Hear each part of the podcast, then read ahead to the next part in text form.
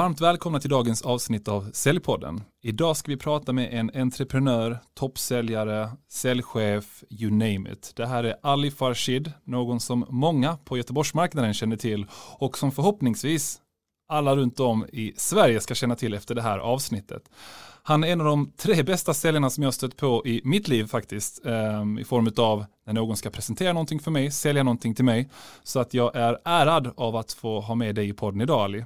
Tack för att jag får vara här Leo. Ja, hur känns det att vara här då? Nej men det känns bra, det känns bra, det är kul eh, att få dela med sig lite, hoppas att det inspirerar andra ja. till en eh, liknande resa eh, eller ens komma in i säljyrket liksom. Ja. Så att det Gud vad coolt. Jag, spännande. jag har haft förmånen att på kort tid intervjua två av de här tre bästa säljarna jag någonsin stött på. Det var en kille som heter Alex från, eh, från Benify. Yeah. Och eh, vi får se om det här avsnittet släpps före eller efter hans avsnitt. Jag tror att ditt avsnitt kommer före faktiskt. Så att ni som lyssnar där ute, ni har mycket att se fram emot. Varför tror du att jag, Leo, då verkligen tycker att du är en av de tre bästa säljarna som jag någonsin har stött på? Eh, först och främst måste jag tacka allra ödmjukast. Eh, jag har ingen aning, jag är väl väldigt förtroendegivande eh, i mitt sätt att, att arbeta med sälj. Eh, för mig är sälj eh, eh, långsiktiga relationer men också att kunna liksom komma i hamn med det som man presenterar och eh, jag tror att där ligger mina styrkor eh, just att vara väldigt förtroendegivande och komma så nära kunden som möjligt på det sättet. Ja, ja men vad kul, för, för hela vårt avsnitt, mitt och Alex, handlar om just hur man skapar förtroende. Ja, så. så att det blir spännande att höra dina synpunkter på, på hur man gör det med dina egna ord. Men vem är du utöver att då vara koncernchef för Jobbtip, eller hur? Eller för, förlåt, berätta först, vad gör Jobbtip för någonting? Eh, Jobbtip är ett eh, HR techbolag som arbetar med att eh, synliggöra eh, annonser på sociala medier och vi gör det på lite olika sätt eh, men vi eh, har egentligen fokuserat oss mest på rekrytering och employer branding eh, och arbetar en hel del med automation så att vi automatiserar kommunikation på sociala medier, alltså riktade annonser. Lite kortfattat då. Coolt, det var en ja. jätte, jättebra hisspitch här tycker jag. Ja, härligt. Jag kan träna på också. Um, och du är ju även entreprenör, investerare, mm. du har som sagt varit toppsäljare på flertalet storbolag, mm. Eniro bland annat. Yeah. Uh, drivit upp flertalet säljteam och, och jobbtipgruppen omsätter ju snart 100 miljoner. Stämmer. Men jag vill veta, vem är Ali utanför liksom själva arbetet? Eller är du liksom bara ditt jobb? Berätta. Jobbet tar en jättestor del av min vardag men eh, absolut. Uh. Ali Farshid, 36 år gammal, tvåbarnsfar, båda kom under pandemin, 11 månader emellan. Wow. Så det sa pang och så hade man två bebisar, en kille mm. och en tjej. Uh, nej men på, på, jag älskar att träna, jag älskar att jobba faktiskt, jag ser mitt jobb som en livsstil. Det är väldigt många som frågar mig liksom, hur kan du hela tiden vara aktiv? Men ser man sitt jobb som ett livsstil så, så blir det blir inte så jobbigt liksom. Ja. Utan det är, det är helt normalt att jobba på det sättet. Eh, tidigare elitboxare faktiskt. Mm. Så att det var väl där i idrottskarriären någonstans som eh, det här eh, att jobba mot uppsatta mål och sätta resultat och övernå eller uppnå och överträffa de målen. Det var så jag tror att jag tog mig in i säljyrket och det var en jävligt rolig resa. Alltså det är så roligt för att jag tror att det är varenda en toppsäljare jag haft med i podden som verkligen så sticker ut i form av sina säljresultat pratar om samma sak. Ja. Alltså, och det är positivt, alltså Absolut. målsättning och hur viktigt det är. Ja. Men jag vill fråga dig det här med elitboxare, ja. vad tror du att det har lett till i din, kanske inte din roll som chef, men att mm. du har lyckats med försäljning. Vad ser du för koppling där? Eh, absolut att sätta upp mål och överträffa dem oavsett vad som krävs. Mm. Eh, att att eh, ha idrotten som grund tror jag innebär att man sätter upp ganska högt uppsatta mål, man vill nå dem, man vill överträffa dem och man vill göra det hela tiden. Eh, och det tror jag också säljare gör, att man sätter upp nya mål kontinuerligt och Tittar man på toppsäljarna idag så ser man ju absolut att målen hela tiden skiftar. Man vill hela tiden bli bättre. Mm. Eh. Och det finns ett känt citat, jag tror att jag nämnt det här i podden tidigare, men just för att vi pratar om en eh, före detta elitboxare. Mike Tyson, yeah. han säger så här, disciplin innebär att göra det man inte tycker om som om man älskar det. Exakt. Håller du med om det? Absolut. Ja, och vad innebär det, eller vad har det inneburit för dig som, låt oss säga boxare, börjar vi med. Jag ska ja. förklara en sak till dig. Min fru brukar alltid vara petig i början, bara, du, du, allting för dig är rutiner och struktur och så vidare. Och, liksom, och jag brukar alltid förklara för henne idag att att skapa struktur och eh, att återupprepa saker, eh, det, gör, det skapar motivation. När du vet att du behöver göra en sak hela tiden och göra det bättre med tiden så kommer du automatiskt skapa motivation. Så rutiner och motivation kopplas samman på det sättet mm. för mig. Mm. Och jag tycker den delen är skitintressant. Mm. Eh, för att oftast får man höra, men är du morgonmänniska för att jag går upp 04.45 och ska börja träna liksom? Nej, men min kropp börjar liksom vänja sig vid det. Och det är så man skapar en, en, eh, ett, ett bra mönster tror jag. Ja, men det är häftigt för att alltså, det är eh, många som försökt övertyga mig om att bada iskallt och så här. Jag, jag klarar fortfarande inte av det. Jag har gjort det någon gång och jag höll fan på att drunkna. Alltså, det var för att det var, det var dumt. Första gången jag testade på det så är det en sjö liksom. Ja. Och det var långt till den här bryggan, eller som jag skulle ta mig upp. Inte bryggan men till att klättra upp. Liksom. Just det. Så det gör jag inte om liksom. Men det är som de säger att den här liksom obekväma känslan att gå ur sin mm. comfort zone. Ja. Allt som är nytt känns riktigt läskigt till att börja med. Jag minns, jag pratade om det här i podden också, när jag skulle ringa mitt första samtal, hade skrutit om att jag kommer bli den bästa säljaren på företaget. Satt i en halvtimme och höll på att kissa på mig för att jag inte vågade ringa det här samtalet. Tänkte på allt som kunde gå fel. Så att liksom disciplinen är att våga utmana sig själv. Absolut. Är det någonting som du tycker att du är bra på? Absolut, jag skulle säga att jag gör det hela tiden. Ja. Eh, försöker även få våra säljare och medarbetare att göra det. Man växer, man blir bättre. Och man klarar av mycket mer än vad man tror faktiskt. Mm. Så att man måste liksom se in i sin spåkula mm. och, och, eh, och vara helt övertygad om att man kommer uppnå målet. Då gör man det, mm. oavsett mm. vad som krävs. Eh, så att eh, absolut. Men hur kom du in på sälj? För din, din väg har inte varit spikrakt uppåt. Den har varit det när man kollar på din LinkedIn-profil, men, yeah. men du har också någon lite sämre sälj erfarenhet där du kände att jag vet inte om det här ens är för mig. Liksom. Så berätta lite bara absolut. om grunden, hur kom du in på sälj och den där erfarenheten? Nej men absolut, det började väl med så många andra julkalendrar i tidig ålder. gick ganska bra faktiskt och sen så du vet när jag kom upp till 18-årsåldern så började jag hålla på med bilar, köpa och sälja, håll koll på Blocket-priser. Du vet, gjorde en liten avkastning på varje bil jag sålde. Och där kände jag någonstans att fan jag gillar att göra affärer och jag, gör, jag gillar att göra det på rätt sätt såklart.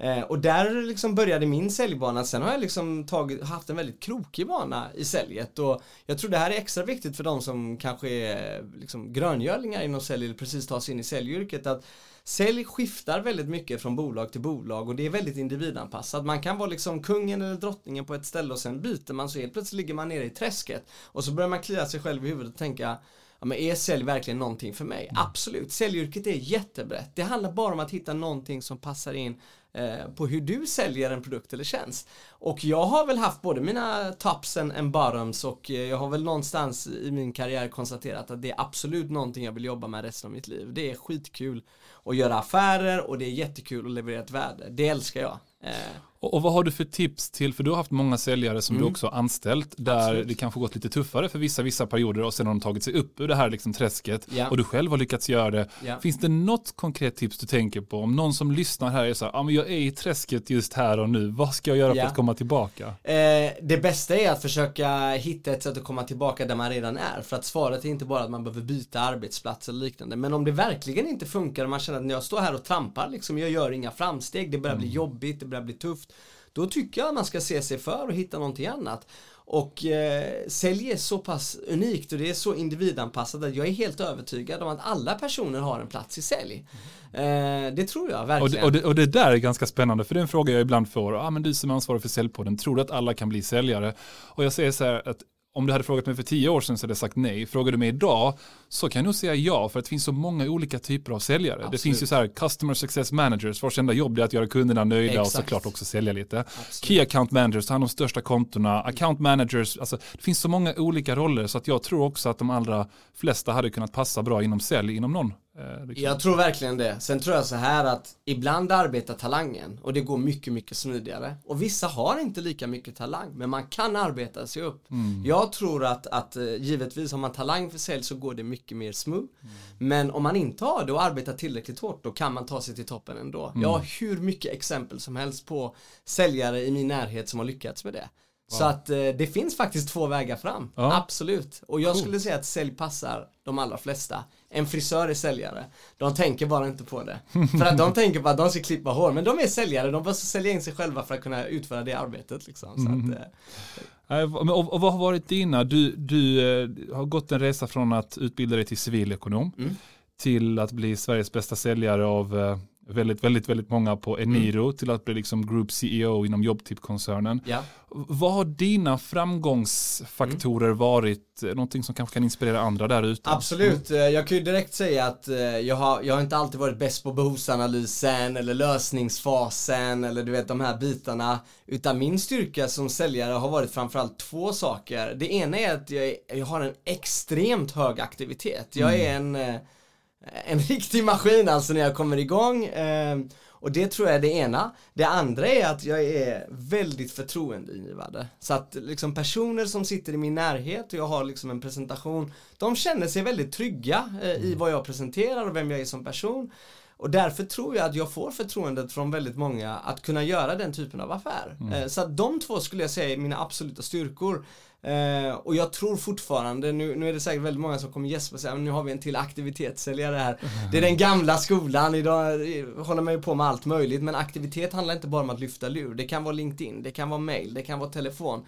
Det handlar om att hela tiden eh, ha så pass hög aktivitet att man fyller ut sin agenda. Man har mycket möten, eh, ökar sannolikheten för offerter, ökar sannolikheten för att slå föregående månads budget och så vidare och så vidare. Jag tror mycket på det. Jag tror det är viktigt fortfarande. För jag skulle fråga dig, hur fungerar det här med aktivitet? Jag har ju mitt svar såklart, jag vill höra från, från ja. ditt perspektiv när det kommer till mer komplex försäljning. För ni gör ju också en hel del komplex försäljning på, på jobbtips. Och, och, och då svarar du egentligen på den frågan, men du kan gärna förtydliga bara, aktivitet i form av, låt säga nykundsbearbetningen. Ja. Är det så att även inom komplex försäljning så behöver man ha en hög aktivitet när det kommer till nykundsförsäljning? Det tror jag absolut, ja. absolut. Och jag brukar alltid säga det till våra toppsäljare. De bygger en befintlig kundbas och den liksom tuggar på ganska starkt. Men man vet aldrig när man tappar en kund eller en affär eller liknande. Och därför tror jag det är jävligt viktigt att hålla aktiviteten uppe på just mm. nykundsförsäljning. Så man hela tiden har en stark bas att utgå ifrån. Mm. Jag kommer ihåg liksom sista månaden på Eniro. Jag hade tecknat på ett avtal om att starta som VD. Det är bara en månad kvar. Många kanske liksom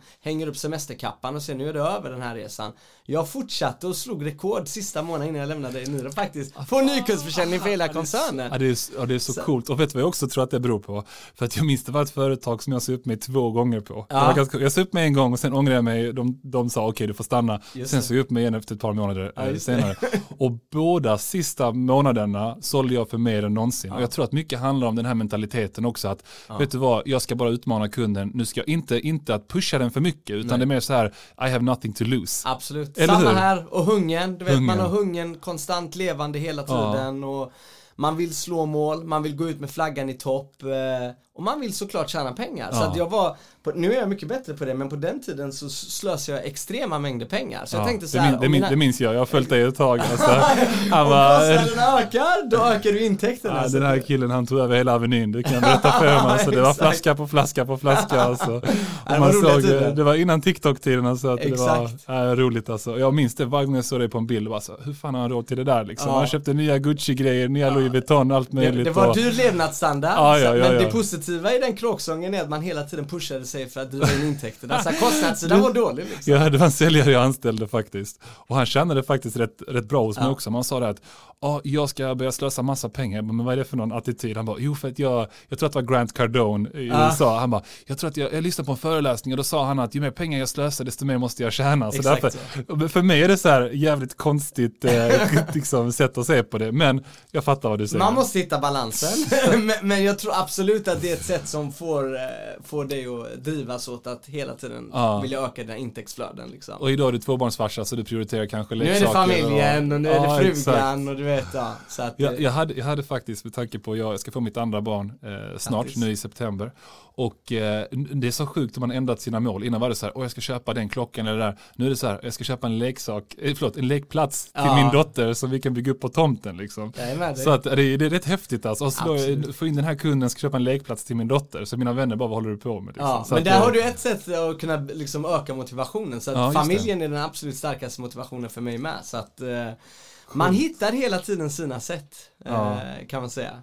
Du, jag skulle fråga dig, mm. du har jobbat också mycket mot den amerikanska marknaden mm. och har bra koll på den. Så hur tycker du att liksom, bilden av en säljare skiljer mm. sig mellan den amerikanska marknaden och den svenska? Superstor skillnad. Ja. Alltså jag menar, i, i, Sverige är det nästan liksom så att eh, säljyrket är nerklankat. Eh, mm. Det, det, I USA är man liksom, man är liksom kungen eller drottningen om man jobbar mm. med sälj. Det, det är det är hög status, det är väldigt högt placerad bland, liksom om man tittar på, på de som levererar så är det ju verkligen toppjobb liksom. Mm. I Sverige är det inte det. Det är liksom säljyrket är nästan nedfläckat. Jag kommer ihåg när jag hade tagit min civilekonomexamen och kollegor och vänner frågade liksom, vad ska du börja jobba med nu? Ja men jag ska börja med sälj liksom. Jaha okej, okay. är, är, du en till sån här misslyckad liksom, ekonom som ska gå till sälj? Det var ungefär den jargongen. Exakt. Eh, och du bara, look at me now. Exakt. Look at me now. I'm making så, paper. Nej jag skojar. Nej, exakt, kör, kör, kör, kör. Vi måste vara ödmjuka här, vi får inte glömma att vi är i Sverige fortfarande. Exakt. Ah, ah, nej men jag, jag, tycker bara det är tråkigt, alltså i Sverige är det lite mellanmjölk du vet och säljyrket, ah. det är inte alls dåligt. Jag tycker, alltså utan sälj, vad ska man göra? Man kan ha världens bästa produkter, tjänster, men man inte har spetskompetensen längst fram som faktiskt kan få ut det till marknaden. Mm. Då spelar det ingen roll. Exakt. Så att Sälj är ett fantastiskt yrke. Det ja. måste vi någonstans börja acceptera. Sen ja. är det vissa liksom, precis som alla andra yrkesgrupper, finns personer som tyvärr gör att yrket liksom kan speglas som någonting dåligt. Men det gäller ju alla, det gäller ju läkare, advokater, vi, vi mm. läser ju allt möjligt nu i medierna. Eh, men säljyrket är inte, och det är en jättestor skillnad. Så att ja. i USA är allting sälj, the, the mother of sales är i USA liksom. Ja, precis. Jag kommer ihåg när vi hade liksom USA-kontoret och man var och träffade de här säljarna, de var, men de var lite på en annan nivå liksom. Ja, det är så. det, allting handlar om sälj ja. så att liksom. Ja, det är coolt. Ja, det är coolt, det är jävligt coolt. Så att jag hoppas verkligen att Sverige tar åt sig lite, man kanske inte ska bli lika extrem som i USA, men om man hittar några steg framåt så tror jag absolut att det skulle vara eh, Eh, bra för yrket. Ja. Och eh, en rolig fråga jag vill ta upp med dig som jag tagit upp i podden vid ett par tillfällen ja. tidigare. Det är det här med att, för vi pratade om det här i förintervjun. Just det. Du bara, jag stör mig så mycket på säljare som ringer mig och frågar om hur läget är eller liksom hur fint väder och sånt. Berätta lite om dina synpunkter Nej, kring det. Fan, för man kan ju alltså. tänka sig lite, lite förutfattade meningar att den typiska, nu är jag väldigt ja. raljerad, typiska Eniro-säljaren ja, var lite mer, tjena hur är läget liksom. Men berätta liksom vad... Nej, jag, jag, måste säga det, alltså jag hatar det. Jag tycker det är så jävla, det är faktiskt irriterande. Du vet mm. man är stressad, man har knappt liksom möjlighet att ta upp luren så svarar man. Det hör, första man hör är en främling säga Tjena, hur är läget liksom? Mm. Du vet, och jag blev så här, vad vill du mig? Jag har mm. lite tid, jag är stressad. Erkänn du lägger på direkt. Ja, men, Nej jag skojar. Jag gör faktiskt inte det, men jag brukar alltid säga till dem, berätta istället vad du vill. Liksom. Ja. Vem är du? Vad är det du presenterar? Vad och då är det uppförsbacke, eller hur? När de börjar på det, det sättet. Det blir ju så, för att man blir ju lite irriterad liksom. Om personen istället ringer mig och säger, du jag jobbar med det här, det här och det här. Jag förstår att du har väldigt lite tid. Mm. Jag vill bara undra Ali, är det dig jag kan ta detta med eller ja. är det någon kollega? Just det. Om jag vet att jag kan hänvisa vidare så gör jag det i 9 av 10 fall. Ja. Eh, men om de bara ringer och frågar hur läget är eller om vädret är lika bra i Göteborg som det är i Stockholm, ja. då, vill man nästan bara lägga på luren. Ja. Jag gillar inte det. Jag inte, jag heller, inte jag heller. Och mitt tips till alla är, lägg ner med det. Sluta det. Och det som jag sagt också, vi hade ett avsnitt med äh, Hafta och en kille som heter Patrik, två ja. toppsäljare på, på andra företag inom mediebranschen. Ja. Och båda sa att de faktiskt frågar hur läget är, men jag upplevde att de frågade på ett annat sätt. Typ, äh, jag minns inte riktigt vad det var de sa. Eh, typ, men hur står det till, hoppas allt är bra idag. Typ ah. något sånt där. Och jag skulle säga att det hade kunnat funka, jag hade inte gjort det ändå. Men har man rätt tonläge så kommer man kanske inte förlora för mycket på det. Absolut. Men risken är stor. Varför ta den risken när man kan på, alltså börja samtalet på ett helt annat sätt? Absolut, och sen är det så här att alla, vi tillhör ju alla olika persongrupper liksom. Och jag är väl den som är väldigt, väldigt stressad. Sen att du ringer mig och frågar hur jag mår och sen är helt tyst, det blir lite konstigt. Ah. Hittar man silent, det... Silent close på hur mår du liksom. Exakt, det blir, det blir riktigt weird liksom. Men man kan säkert vara trevlig, jag menar trevlighet och att ja. vara positiv smittar ju av sig men gör det på rätt sätt liksom. Eh, mm. för personen måste ju fortfarande veta varför ringer du mig? Ja. Innan du frågar hur jag mår. ja men exakt, exakt. Så att, uh, ja, ja så det, det, är en, det är en rolig grej. Jag har faktiskt en rolig grej jag skulle ja. vilja berätta. Är, är, det, är, det, är det historien som vi historien pratar om? om en säljare. Ja, berätta, berätta. Det var EM tror jag, okay. för, för, jag vet inte om det var för, det var säkert åtta år sedan eller någonting. Så då, då kom jag, jag ska till mamma eh, och så kom jag dit en kvart innan matchen ska börja, grabbarna ska komma om 15-20 minuter kliver in i dörren och mamma har liksom satt upp massa liksom, te och så är det kakor och grejer överallt och liksom, jag bara mamma vad händer här liksom? Ja, en säljare från Kom Hem ska komma. Jag bara, det är match om 15 minuter, varför ska, varför ska en säljare, varför har du dukat upp hela bordet? Ja, men man måste ju vara snäll och trevlig och, du vet jag lovade honom att han skulle komma hit den här tiden och oh så går det fem God. minuter så börjar det knacka och jag är på dåligt humör. Ja. Jag tänker fan jag ska kolla på match och, och en säljare ska komma och sälja på mig massa grejer. Så jag öppnar dörren, ganska otrevlig faktiskt och bara liksom, jag vill inte ha någonting och då kommer min mamma bara, nu ska han in liksom. Han måste, och hon bara bjuder in honom.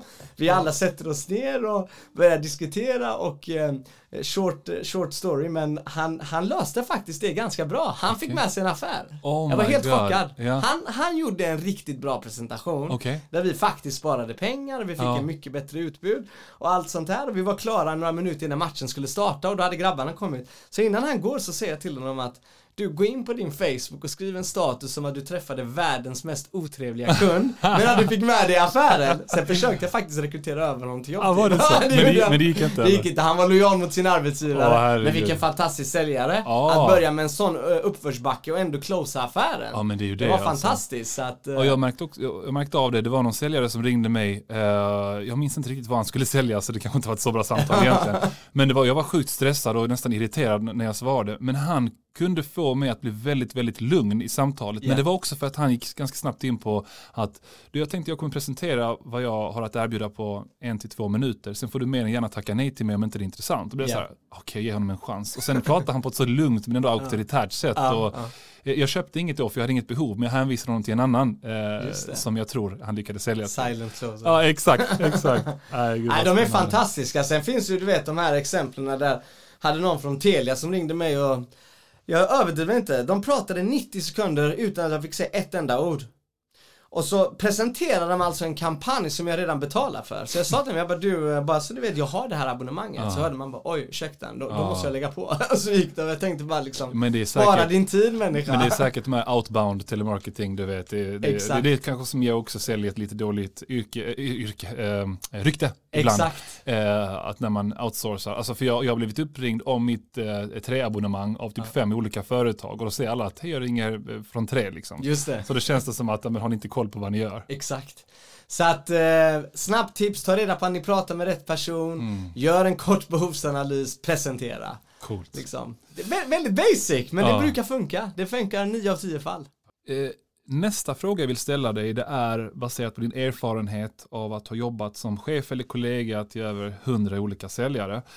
Och om vi börjar lite med din uppfattning innan du blev vd på Jobbtip. Mm. Vad upplevde du särskilde de allra bästa från resten? Om vi börjar liksom yeah. med den uppfattningen kontra den uppfattning som du har idag efter x antal år på jobb. Ja. Uh. Alltså de, de bästa säljarna är ju de som också klagar mest på sig själva. De är aldrig nöjda. Det är verkligen en egenskap som jag delvis känner igen själv och delvis bland mina toppsäljare.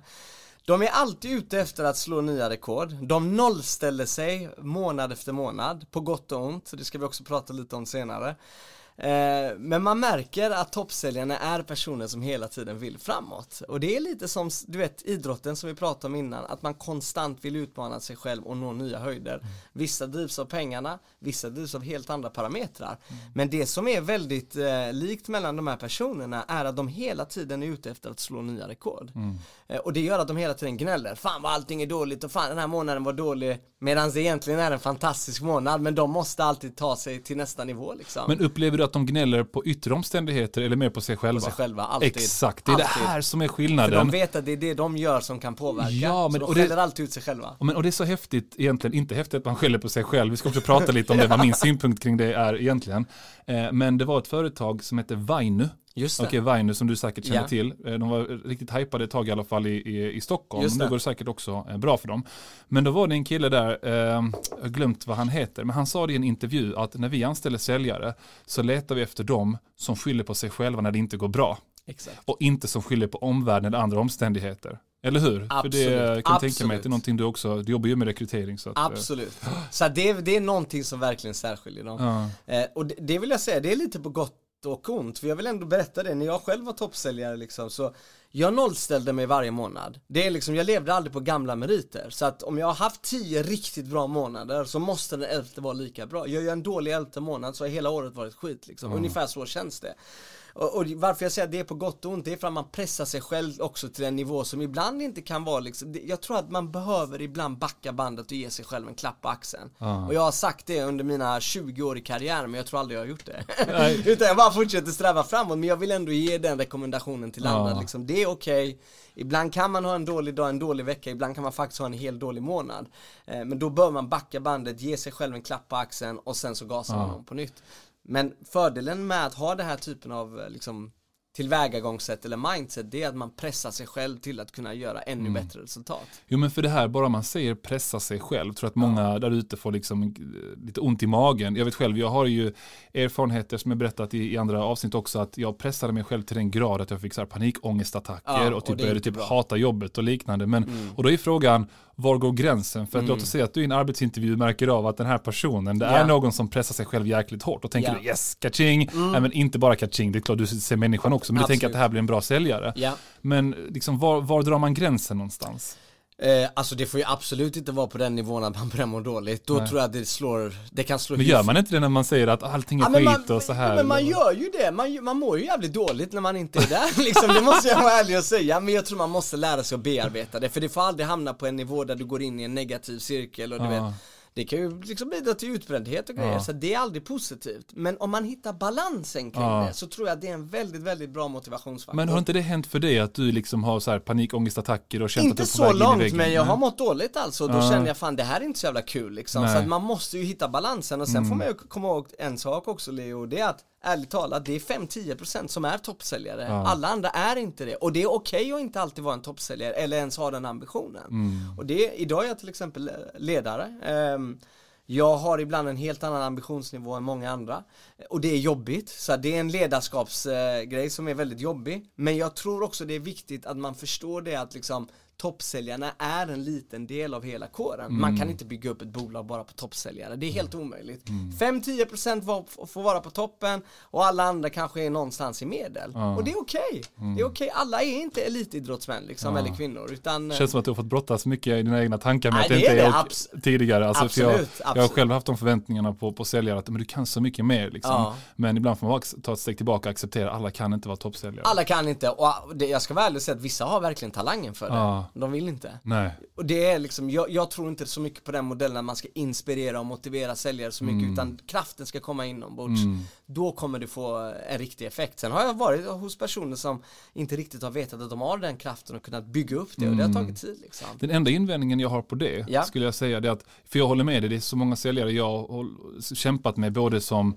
extern säljutbildare och säljutvecklare, mm. men även när jag varit säljchef på de fyra företagen jag varit säljchef. Så man verkligen, ja, men du har den potentialen och försöker pusha, pusha, som det har varit liksom katastrofer. Mm. Men vissa säljare behöver också lite hjälp, om mm. inte de hittar det själva, med hur kan en bra prestation här leda till framgångar i andra bitar av ditt liv också? Eller att nå Absolut. dina långsiktiga mål och att Absolut. påminna dem om det. Eller att lära dem påminna sig själva om det. Verkligen. Kan också leda till motivation. Men jag tror inte på det här att man bara ska vara ute efter de här tillfälliga motivationsboosten och vara beroende av det för att Nej. prestera. Det måste ju komma inifrån. Ja, men du vet måndag morgon, sätt på en motivationsvideo från USA, ja. med NFL och sen tror man att hela kåren ska gå ut och liksom köra över marknaden. ja men kom igen liksom, det, är, det är 2023. Men du, både du och jag har varit varit den typen av där. ledare. Vi har, vi har varit, varit den typen av Vi har varit där, men idag är det mer så här, jag har väldigt, väldigt öppen dialog med våra anställda och jag säger så här, så här funkar det, bollen ligger i era händer eller fötter, ni måste agera. Mm. Och, och, där hittar de ofta sin inre motor. Här handlar det om att hitta vad de går igång på. Ibland mm. är det pengar, ibland är det karriär, ibland är det fina titlar. Mm. Eh, och ibland är det bara människor som bara vill bli bättre. Ja. Så det, det, varierar väldigt mycket. Ja. Men det, det, går, det, går, Men det här, eh, känner du att det finns någonting kring det här med att nollställa sig själv som vi inte har pratat om som du vill lyfta i podden? Alltså, ja. ja. Alltså jag tror att, eh, jag tror det är viktigt att eh, man månad efter månad någonstans säkerställer att man har mål som är nåbara och att man hela tiden också ger sig, ger sig själv en klapp på axeln för att veta att det här har varit en okej okay månad även ifall man inte har tagit sig till målet. Ja. Och det här, jag menar med att man nollställer sig, många säljare nollställer sig efter en månad mm. eller ett kvartal beroende på vad det är för typ av, vissa du vet, man tittar IT-försäljning så det är ju ett års processer så att jag tror det är viktigt i alla fall att man kontinuerligt eh, följer upp sig själv mm. eh, och agerar på ett annorlunda sätt månaden efter. Mm. Man måste ju veta exakt vad som krävs för att man ska kunna sätta sina mål mm. och det kommer variera månad efter månad. Mm. Eh, och, och, grundbulten i det hela det handlar om att ha mycket möten, ja. prata med mycket människor, presentera så mycket som möjligt. Mm. Men man ska också agera på ett sätt där man skapar långsiktiga relationer. Exakt. För att gör du det och är tillräckligt förtroendegivande, då kan du skapa långlivs, alltså du kan ha kunder som byter bolag, mm. som köper andra typer av produkter, men de vänder sig fortfarande till dig. På grund av att du har lyckats liksom. Mm. Kolla på mäklarna, det är det enda de gör, förtroende. Mm. Förtroende är A och O i den branschen. Mm. Och det tror jag är skitviktigt överlag i, i liksom i säljyrket. Det finns toppsäljare som jobbar för båda och det finns mm. bara de som bara jobbar efter resultatet. Mm. Jag tror att om vill man vara långsiktig och verkligen leverera ett värde, då ska man utgå från både, både liksom eh, relationen och kunden och sina mål. Mm. Så man måste sätta ihop allting i ett kontext liksom. Så att eh, det, det, tror jag. Du, någonting som jag minns nu när jag hör dig prata, det är alltså i mötet, säljmötet jag hade med dig där du skulle sälja in jobbtips tjänster till mig. Det var att ditt tonläge och kroppsspråk var väldigt över tygande. Jag märker det i podden också. Det är så här så att jag bara wow, här kommer en kraft liksom. Är det någonting som du har lärt dig eller någonting som har kommit naturligt för alltså, dig? Alltså jag tror helt ärligt Leo att det har varit ganska naturligt för mig. Mm. Um, jag är ju persier, vi pratar mycket med, med, med, med, kroppen. Men sen, det har kommit ganska naturligt för mig. Sen mm. har jag väl pratat, vi har haft en hel del utbildningar i, i Optip om just de här sakerna. liksom, I kundmötet, i online-mötet, hur vi ska agera att vi också ska vara väldigt duktiga på att liksom hela tiden fånga upp kunden, engagera kunden och säkerställa att man får en dialog. För att om du bara presenterar och motparten är helt tyst, det är monolog, det är tråkigt liksom. Och du vet, vi lever i en digital värld, efter pandemin så utförs ju ännu mer liksom digitala möten. Om inte du gör det på, på ett korrekt sätt, då tror jag att dina kunder kanske sitter och öppnar en annan ruta vid sidan av och kollar på den medan de låtsas att de lyssnar på dig. Och hur, hur gör man det då när det kommer till både att man har rätt kroppsspråk och tonläge, ja. eh, men finns det andra sätt som man kan fånga deras uppmärksamhet Absolut. på ett digitalt möte som ja, du upplever? man måste ju liksom få dem engagerade, liksom ja. få med dem i matchen, få dem att prata. Ja. Eh, det tror jag är jätte, jätteviktigt. Ja. Eh, det tränar vi jättemycket på i jobbtyp. Att säkerställa att kunden följer med i den här presentationen är med i dialogen, engagerar sig i den. Mm. För att då helt plötsligt är det mycket lättare också att presentera en offert och stänga en offert. Men hur gör man det då? Hur får man kunden att? Ja, men jag tror det handlar mycket om att få delaktighet, prata med kunden, få dem att se någonting i tjänsten, mm. få dem att liksom kommentera någonting. Ja. Vad tror du om detta? Ja. Tror det här hade funkat för er? Eh, vad hade hänt om ni hade implementerat det här för sex månader sedan? Ja. Du vet. Och någonting, alltså nu, eller nu under pandemin ja. så fick jag möjligheten att lägga rätt mycket tid på att analysera digitala möten. För att Just väldigt det. många hade, så det var tre företag som jag var ute hos väldigt mycket och ja. analyserade deras möten. Och någonting vi såg, det var att bara skillnaden på retoriken i hur man ställde en fråga för att involvera kunden kunde göra om de öppnade liksom upp sig eller inte. Så att när man ställer den här frågan, frågan har du några frågor eller funderingar? Det är mm. ingen bra fråga att ställa utan det är mycket bättre att säga vad tänker du på när jag pratar om detta? Eller hur har det här varit relevant för dig? Är det här viktigt för dig sett till det beslut som du vill ta? Alltså så att, så att tipset jag har där ute är att sluta ställa frågan har du några frågor eller funderingar kopplat till det jag precis eh, Exakt. pratade om. För de flesta kommer säga nej, det var ingenting. Exakt. Då får du inte dem att öppna upp sig. Håller med, håller med. Så att eh, jag tror de bitarna är väldigt viktiga och du vet, eh, pratar vi fältmöten när man träffar kund så är ju kroppsspråk otroligt viktigt, det tror mm. jag. Det tror jag. Och tror du att man hade kunnat ta ett lika övertygande tonläge och kroppsspråk som du har om man hade sålt någonting man inte brinner för? Det tror jag absolut inte. Alltså Nej. det kan jag säga direkt. Jag tror att du hade lyckats med det faktiskt. tror du det? Ja, jag tror faktiskt ja, men jag, För mig är det jätteviktigt att jag står bakom produkten till 100%. Ja. Eh, för då kan jag gå 100% in i matchen också. Mm. Jag kommer ihåg när, när styrelsen på Jobbtyp då eh, ville tillsätta mig som vd så frågade de, liksom, de kunde inte konkurrera med lön, jag ska vara helt ärlig liksom. Mm. Jag, jag minskade nog min lön med 50% när jag tog vd-jobbet i mm. jämförelse med, med toppsäljyrket på NI då. Eh, men de lyckades fånga upp en sak och det var att vi måste leverera ett otroligt starkt värde till våra kunder och det är någonting som jag verkligen, verkligen brinner för. Jag måste ha en produkt som jag tror på till 100% Jag måste veta att jag levererar ett väldigt starkt värde. Kan jag göra det, då kan jag gå in 100% i matchen. Det är väldigt viktigt för mig och det tror jag också är väldigt viktigt för många av de duktiga säljarna ute på marknaden. Mm. Står man inte bakom sin produkt till 100% du vet det är du vet, fake it till you make it säger mm. vissa men jag, jag, tror inte det funkar långsiktigt. Nej, det hade nej. inte funkat för mig. Jag nej. hade inte klarat av det. Nej, och du, du är ändå den som jag tror har kunnat klara av det bästa av de som jag känner. In, alltså vad jag menar med det, det är att du, du, du känns som en säljare in the backbone liksom. Yeah. Det innebär att ja, alltså man hade fan kunnat slänga dig överallt. Du hade sålt som smör alltså. Så känner jag verkligen.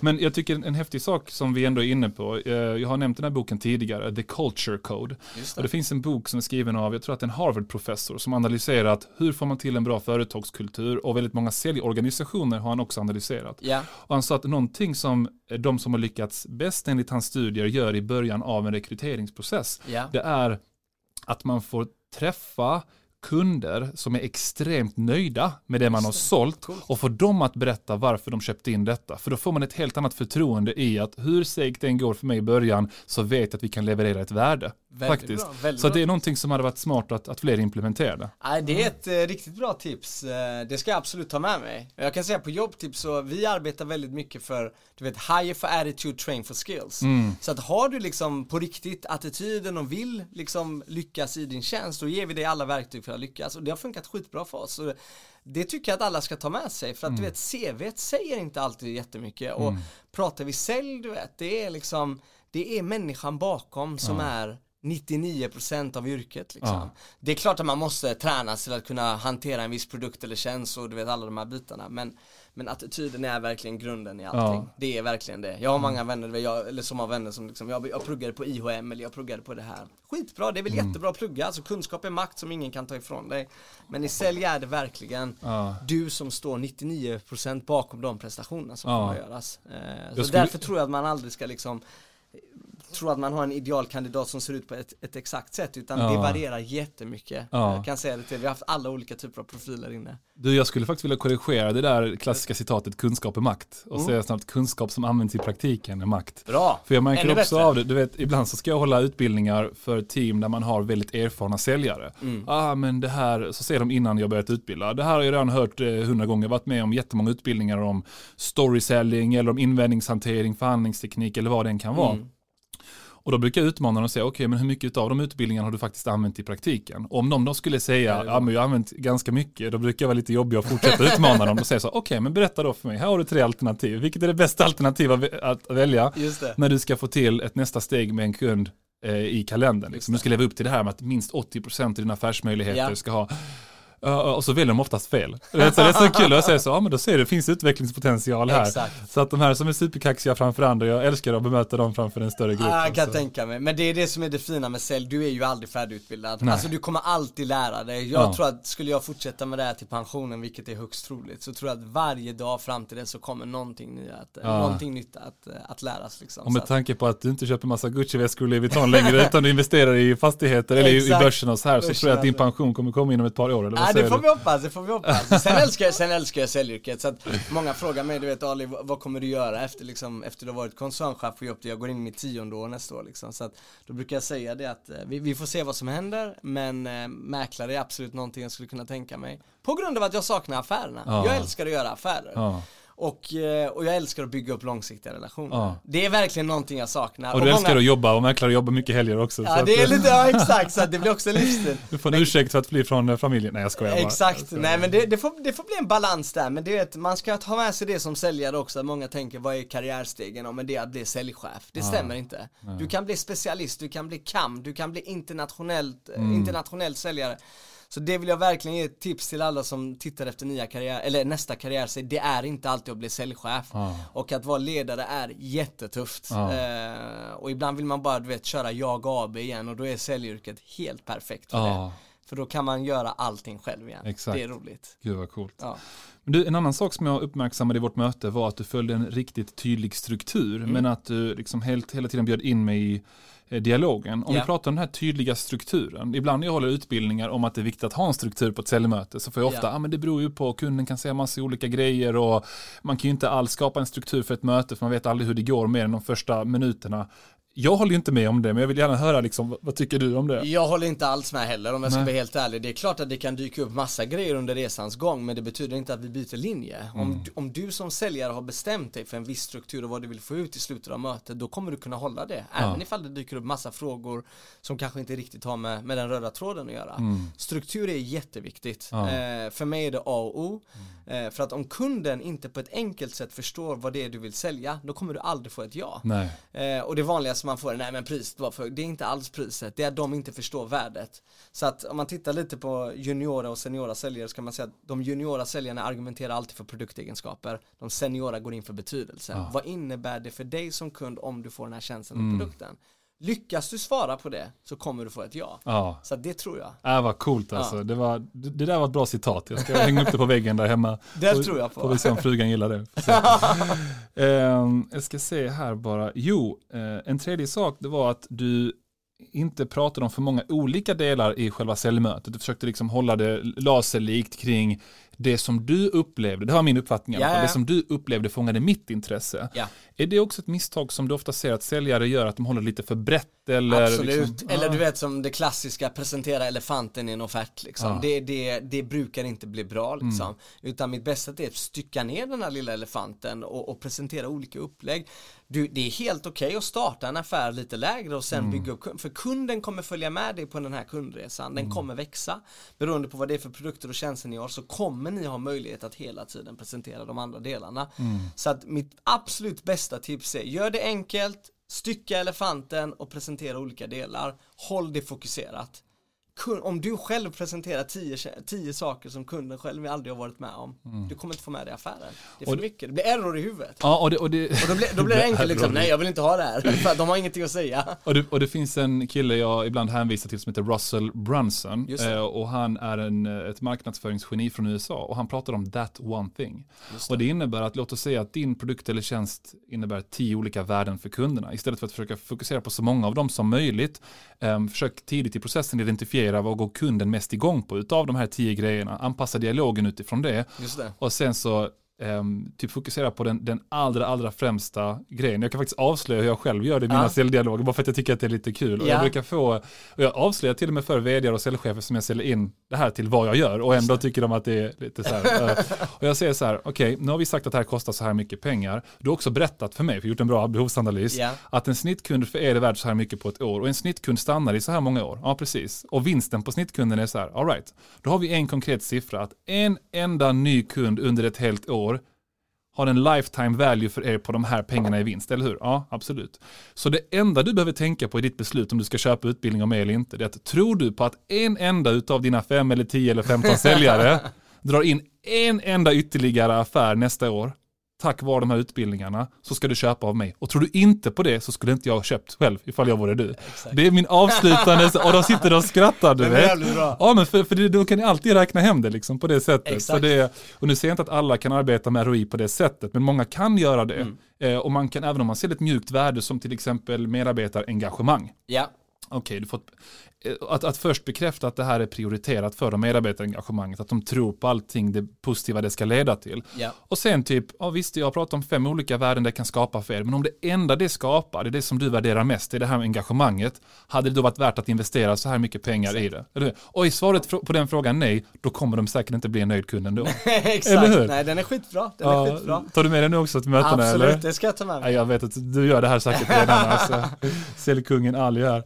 All right, men du, jag tänkte tacka dig jättemycket för ett superbra spännande avsnitt. Tack för att jag fick Massa delta. bra konkreta tips. Men jag vill fråga dig, jobbtipp, alltså så här, jag vet, nu har jag aldrig framför mig här, men jag har flera kunder som har använt jobbtipp och jag yeah. själv kommer faktiskt göra det i en säljrekrytering som jag har framåt. Jag pratar med din kollega Tjener eh, yeah. om det här. Just det. Och de är sjukt nöjda, de kunderna som använt sig utav. Ni hade inte vuxit som ni hade gjort ifall det inte vore för det. Men yeah. berätta, liksom, varför tar man kontakt med, med Jobbtipp och hur gör man det? Jättebra fråga. Mm. Eh, alltså man tar ju kontakt med Jobbtipp för att vi kan eh, hjälpa till med både rekrytering och eh, arbeta upp arbetsgivarvarumärket. Så vi arbetar en hel del med att eh, liksom, jobba aktivt med employer branding för olika mm. typer av bolag. Vi, vi, hjälper dem att rekrytera in personal. Mm.